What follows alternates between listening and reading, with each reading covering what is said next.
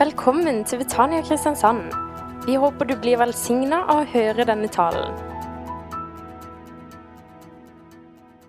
Jeg skal lese et veldig kort vers. Eh, Lukas kapittel 1 og vers 26.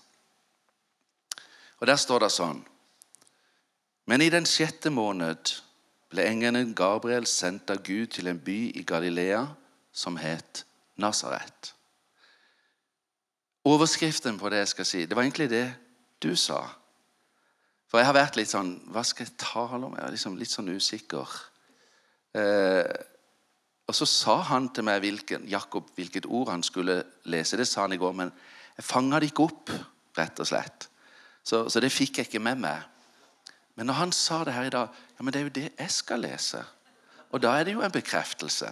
Så jeg visste ikke, jeg sitter liksom hjemme, har vært i Åseral på formiddagsmøte. Jeg var litt sånn segen. Og så kjenner jeg liksom jeg må få opp trøkk igjen. Det, det, tar litt tid, det. På samme, en og samme dag. Men når du leste det, så tenkte jeg ja, men da er det jo det jeg skal lese. Så overskriften er 'Ingenting er umulig for Gud'. Ingenting er umulig for Gud. Eh, vi leser om at eh, engelen Gabriel ble sendt av Gud. Han gikk ikke, han fant ikke på det. Det var ikke bare noe han. Han ble sendt av Gud. Jeg tror at Gud sender mennesker, situasjoner, inn i våre liv til spesielle tider. Vi har alle forskjellige sesonger i livet, forskjellige tider. Vi opplever forskjellige ting. Og så det, har vi det privilegium som kristne at Gud kan sende hilsninger, ord, det kan være en sang, det kan være hva som helst. Så kan Gud sende det. Engelen Gabriel ble sendt av Gud, og da til en by i Galilea som heter Nasaret. I denne byen der bodde Maria. Flere med meg har vært i Nasaret mange ganger. Og det som vi ser her, at Gud bruker navn. Gud bruker navn. Gud er veldig konkret. For når engelen kommer inn, så så uh, stå, Der står det han var, var Jomfruens navn var Maria, engelen heter Gabriel. Så Gud er veldig konkret. Gud er ikke sånn bort i været og ut i været. og det er liksom fanger han opp. Av og til så hører jeg folk si navnet sitt, men jeg hørte jo egentlig ikke navnet i det hele. Så må du spørre opp igjen. Hva var det egentlig du het for noe? For jeg hørte det, men jeg hørte det ikke. Men når Gud opererer, så er ikke du et nummer, en adresse, et personnummer i folkeregisteret som noen slår opp på en PC og finner ut hvor du bor og hvem du er. og alt det der. Men for Jesus er du noe mye mer. Du er elska av Han.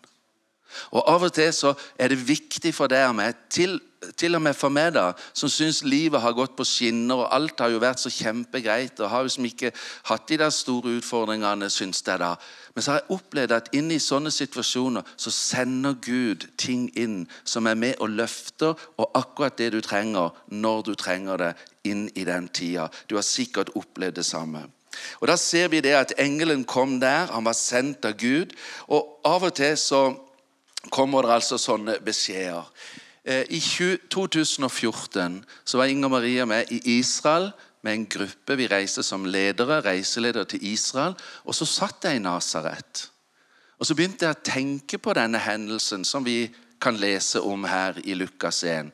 Og så var det som midt oppi alt eh, av rop og uh, ting og tang, trafikk og folk og mennesker som tigger og vil ha penger. Det er jo overalt. Det er så mye som skjer, og du må liksom bare fange øyeblikket. Så et lite øyeblikk så satte jeg meg på en liten mur der inne i Nasaret, i, i Maria bebudelseskirke. Og Så satt jeg der og så prøvde jeg å fange liksom opp øyeblikket. Og så tenker jeg det. En dag så gjesta Gud dette stedet.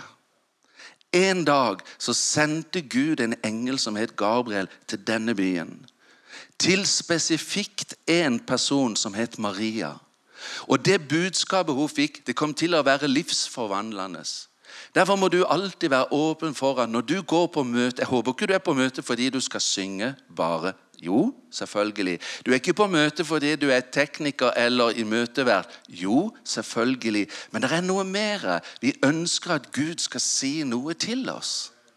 Noe som kan få betydning for oss i den uka som ligger foran, i tida som ligger foran, i dagene som ligger foran. Og det var det som var. Og Derfor så var det på en måte, midt oppi alt som var av lyder og alt der i Nasaret, så var det som på en måte jeg, jeg klarte å suge inn litt sånn 2000 år tilbake. Og så kjente jeg liksom litt av den atmosfæren og litt av dette her, at her en dag så satte Gud på en måte et fotavtrykk. Det var et budskap som kom, som ville ha betydning langt utover denne lille byen. Vi kan føle at det vi holder på med, det området vi bor på, det er så lite, det er så lite betydningsfullt. Hva tror du de syns om Nasaret? Det var den dårligste byen. Det er det mest simpleste stedet du kunne gå til. Fra Nasaret. Kan det komme noe godt fra Nasaret? ble det stilt et spørsmål en dag. Liksom, Nasaret. Går det an å bo der? Men Gud spør ikke hvor du bor, han spør ikke etter uh, ting og tang, men der hvor det er mennesker. Og så setter han et fotavtrykk.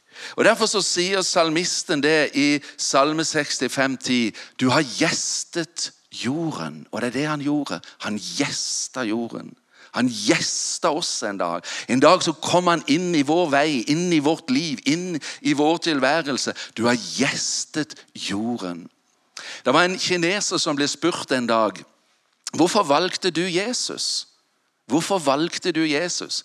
Og Så måtte han prøve å forklare det på en måte, og så sier han det. Så tenkte han litt, så sa han jo, det var som jeg ramla ned i en dyp brønn, sa han. Jeg ramla ned i en dyp brønn. Kunne ikke komme opp der. Og så kommer Konfusius forbi, en lærd mann som påvirka Østen og, øh, og, og det som er sine lærer og alt det der. Så kikker Konfusius ned i brønnen og så sier han, du må gjøre sånn og sånn og sånn. Og sånn. Og så gikk han videre. Og Så sitter han fortsatt i brønnen, og så plutselig kommer Buddha forbi. Og Så stopper Buddha, og så ser han ned i brønnen, og så ser han han sitter der. Og så sier Buddha, 'Du må holde deg til læren, du må bekjenne, du må si sånn og sånn og sånn.' Og sånn. Og så gikk han. Og så sier han, 'Men så kommer Jesus, Guds sønn.' Og Han står ikke på brønnkanten og ser ned og sier en hel masse ting jeg skal gjøre, men han stiger ned i brønnen, og så hjelper han meg opp. Og når jeg kommer opp, sa han, så kler han meg i nye klær. Og så vasker han meg ren, og så kler han meg i nye klær. Og så sier han til meg, 'Jeg vil være med deg alltid og alle dager under alle forhold'. Derfor valgte jeg Jesus. Derfor valgte jeg Jesus. Og Det er noe med dette at du opplever at eh, han har gjesta deg. Og Derfor så fortelles det den historien om eh, presidenten som eh, sa til Billy Graham, den kjente evangelisten Det første romskipet hadde landa på månen, og det var et det største som hadde hendt i menneskehetens historie, sa daværende USAs president. Og så sier Billy Graham nei, herr president, i samtale. Det er noe som er mye større enn når det første romskipet landa på månen. Men det var den dagen da himmelen gjesta jorden. Du har gjesta jorden.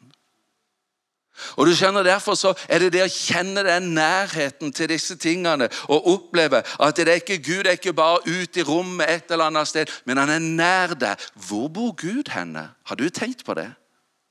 Ja, er han ikke i himmelen? Er han ikke? Ja, ikke sant? Ja, himmelen. Ja, hvor er himmelen? Hvordan skal vi komme? Ja, hvordan skal vi få tak i han? Og så videre. Jeg vet hvor Gud bor henne. Han bor i minst to steder. Men han bor i det høye og det hellige. Jo, han bor i himmelen. Men vet du hvor han bor henne? Han bor hos de som er knust og nedbøyd i sin ånd. Han bor der hvor du er. Der bor Gud. Og Det å kjenne at Jesus er nær deg, at han styrker deg, at han holder deg oppe, at han gjester deg fra tid til annen. Og Det er klart det er ikke vanskelig å synge halleluja og prise Gud og vannet er i bevegelse, eller hva dere sang for noe her på engelsk. Jeg følte ikke med helt sånn, men uh, det er ikke så vanskelig å synge det en søndagskveld. Men sitt inn på Rikshospitalet Sitt opp på sykehuset i byen når du kjemper for din datters liv eller ditt liv eller din sønn, og si at Gud er der, og himmelen er å, det er så sterkt og det er så flott osv. Da må det noe mer fundament inn i livet ditt. Det vet vi alle som sitter her. Men allikevel det å kunne få lov å kjenne det, at uh, han har gjesta meg, han har kommet nær meg, han har bøyd seg ned. Hvorfor valgte du Jesus? Fordi at han bøyde seg ned, han rensa det, han ga deg nye klær, og han sa 'jeg skal være med deg alle dager', alle slags dager. Og det har vi fått erfare, de aller, aller fleste her inne, til fulle. Det er iallfall helt sikkert. Og Det som vi ser her, det var det at eh, den rammen rundt Jesu gjenkomme, når han skulle komme, den var ikke så veldig. Det var ikke det pompøse slaget. I dag når et barn skal bli født Vi har fått Alma. Tenk Alma. Vi har fått et barnebarn som heter Alma.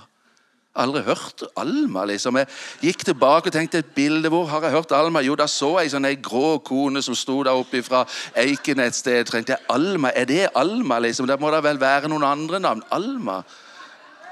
Men det er jo fantastisk. Og når Alma kom, så ble det stelt til. Det ble lagt til rette dette. Det ble gjort så flott. Det var sånn og det var sånn, og det var det ene og det var det andre. og Gud spurte ikke om det ene. han bare, Eller foreldrene. Det var bare liksom Vi må gjøre det beste vi kan. Og så opplever du at Å, så godt. Eh, jeg ønsker å være med og stelle. Det var ikke det pompøse slaget rundt Jesu komme. Det var flere dyr enn mennesker til stede i stallen den dagen.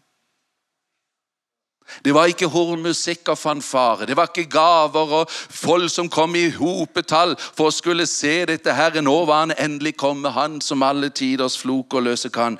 Det var ikke så mange rundt. Men Maria visste det, og forsto nok det, at dette hadde større og videre konsekvenser langt utover det som hun kunne fatte lette å forstå.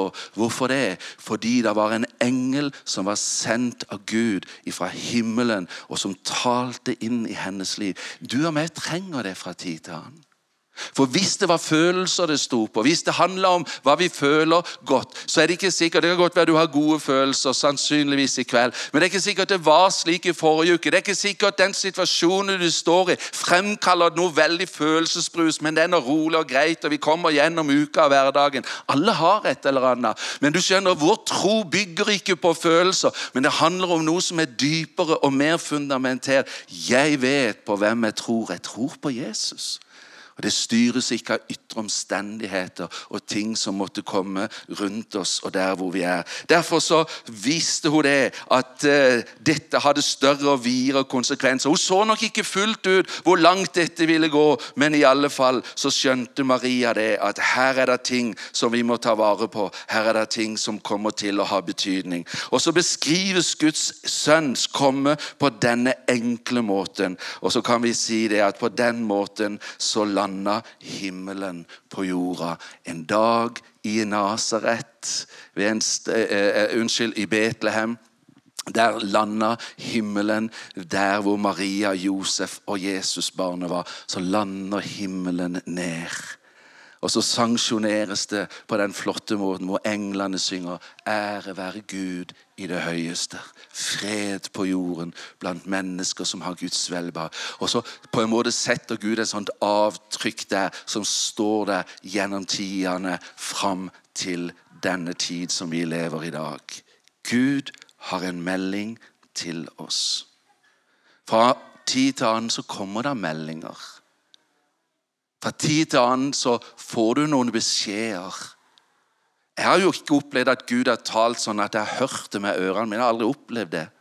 Vi tror ikke han kan gjøre det. selvfølgelig kan han det, Men jeg har ikke opplevd det sånn. Men jeg opplever at når jeg åpner boka, åpner Bibelen, så taler Gud igjennom ordet.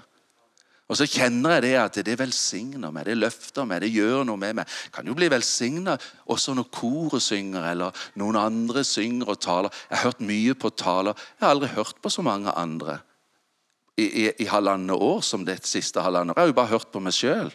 Og jeg synes det har vært fantastisk. Jeg har blitt så velsigna at jeg preker det bare om igjen og om igjen. De samme talene. vet du. For jeg tenkte det er jo så bra, dette her må jeg jo fortelle mer om. Videre. Men nå har jeg fått tid til å høre på andre. Nå har jeg sittet i Betania og hørt han tale, den tale, de tale. Så har jeg kjent at det har gitt meg noe. Gud har velsigna meg. Hans fred hviler over meg, og jeg får lov å bevare det til inn i mitt hjerte. Der er en beskjed som kommer til oss. Vi går videre til vers 34. Når engelen har kommet der, så stiller Maria dette spørsmålet. Hvordan skal det gå til? Det er jo som i et sånn trossaksgreier. Når du liksom, Vi har jo vært der. Nå kjenner vi det bruset. Nå, nå, nå, kjenner vi trøkket her. Vi har vært der noen ganger. ikke sant? Nå, nå, er det bevegelse her. og virkelig liksom sånn. Og det er klart at det å få ei som Maria inn i bildet der plutselig, som bare drar ut proppen av badekaret, og vannet renner ut. Eh, når det vi kjenner liksom, nå her kommer til å skje veldige ting, og vi liksom tror for det ene og det andre. Og så kommer liksom Maria inn i bildet og så sier hun, åssen skal dette gå til? Men vet du hva jeg opplever? Bibelen er så god og ærlig at den har tatt med den setningen. Kunne jo ha utelatt akkurat den biten, for det tar liksom litt kraften ut av, av sånne budskap når det er snakk om virkelig tro og seier og framgang og yes i Jesu navn og alt det. Og vi tror jo på det, selvfølgelig gjør vi jo det. Men det er liksom som hele historien bare punkterer. Tenk å få en engel på besøk, og det er ikke ringer en engel enn Gabriel. Og det første du klarer å få ut av munnen, det er jo som ikke 'Amen, takk, Jesus, det var herlig, fin beskjed'. Hvordan skal dette gå til? Ei ung jente. Plutselig drar hun bare hele historien ned på bakkenivå, og så blir hun ærlig. Vet du hva jeg tenker for noe? Jeg tror det er viktig å tale sant om livet. Jeg mener det jo selvfølgelig nå, men jeg har ment det lenge og trodd det lenge. Det er viktig å tale sant om livet. Det utelukker ikke at Gud kan. Det utelukker ikke at ingenting er umulig. Det utelukker ikke tegn og under. Det utelukker ikke frelse og helbredelse eller hva det måtte være for noe. Men allikevel, det å tale sant om livet. Og her var Maria dønn ærlig, og hun sier, 'Hvordan skal dette gå til?' Og det er det sikkert mer enn én som har spurt her i denne forsamlinga gjennom årene. Og jeg vil tro at inni iblant oss her nå, hvis vi hadde tatt en sånn runde i, i, og spurt, det skal vi ikke gjøre, så er det sikkert undring, fortvilelse, forventning. Når kommer bønnesvaret? Fortvilelsen, håpløsheten. Det ser så svakt ut. Nå har vi holdt på i årevis. Det er ingen endring på dette, Herre. Det er liksom ikke noen løsning. Nå har vi bedt for Han. Nå har vi tenkt på den. Nå er det barna våre. og Jeg skulle ønske det hadde blitt en løsning. Jeg er sikker på det henger masse sånne som henger og svever rundt over oss her i dag. Og vi har vært innom disse punktene, hver eneste en av oss. Vær du sikker. Allikevel så opplever vi at midt oppi dette så går det an å kjenne jeg har en tro. Jeg har en tro. Jeg har noe som holder. Jeg håper ikke jeg skuffer deg, men jeg har ikke kjent at du har bedt for meg. Men jeg har visst det. Jeg har visst det. Jeg snakker om følelser. Jeg, jeg satt ikke inn på Riksen for et år siden. Nå ber de i Betania. Jeg kjenner de ber i Betania. Nå er det søndagsmøte. De ber for meg. De ber for meg. Det kan godt være de gjorde det, kan godt være de ikke gjorde det. Nei, jeg må være ærlig og si jeg har ikke kjent det. Er det veldig dumt? Er det litt vann? Kanskje det var litt dumt sagt òg? Men jeg må være ærlig og si det. Men vet du hva for noe? Jeg vet at dere har bedt for meg. Jeg har ikke kjent så veldig mye. Men jeg bare vet jeg har blitt bedt for her og der og rundt forbi. Jeg vet det. Men jeg har ikke kjent så veldig mye. Men jeg vet det.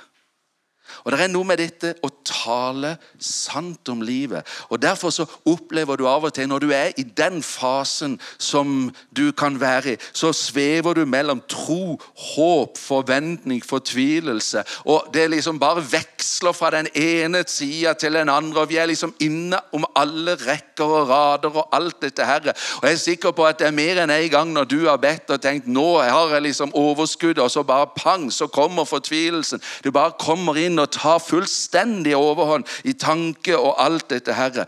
Men vet du hva for noe? Selv om jeg ikke følte, selv om jeg ikke kjente, vet du hva for noe? Jeg bare visste det, at han som jeg har trodd på hele mitt liv Jeg kom inn her i Betania da jeg var tolv år gammel.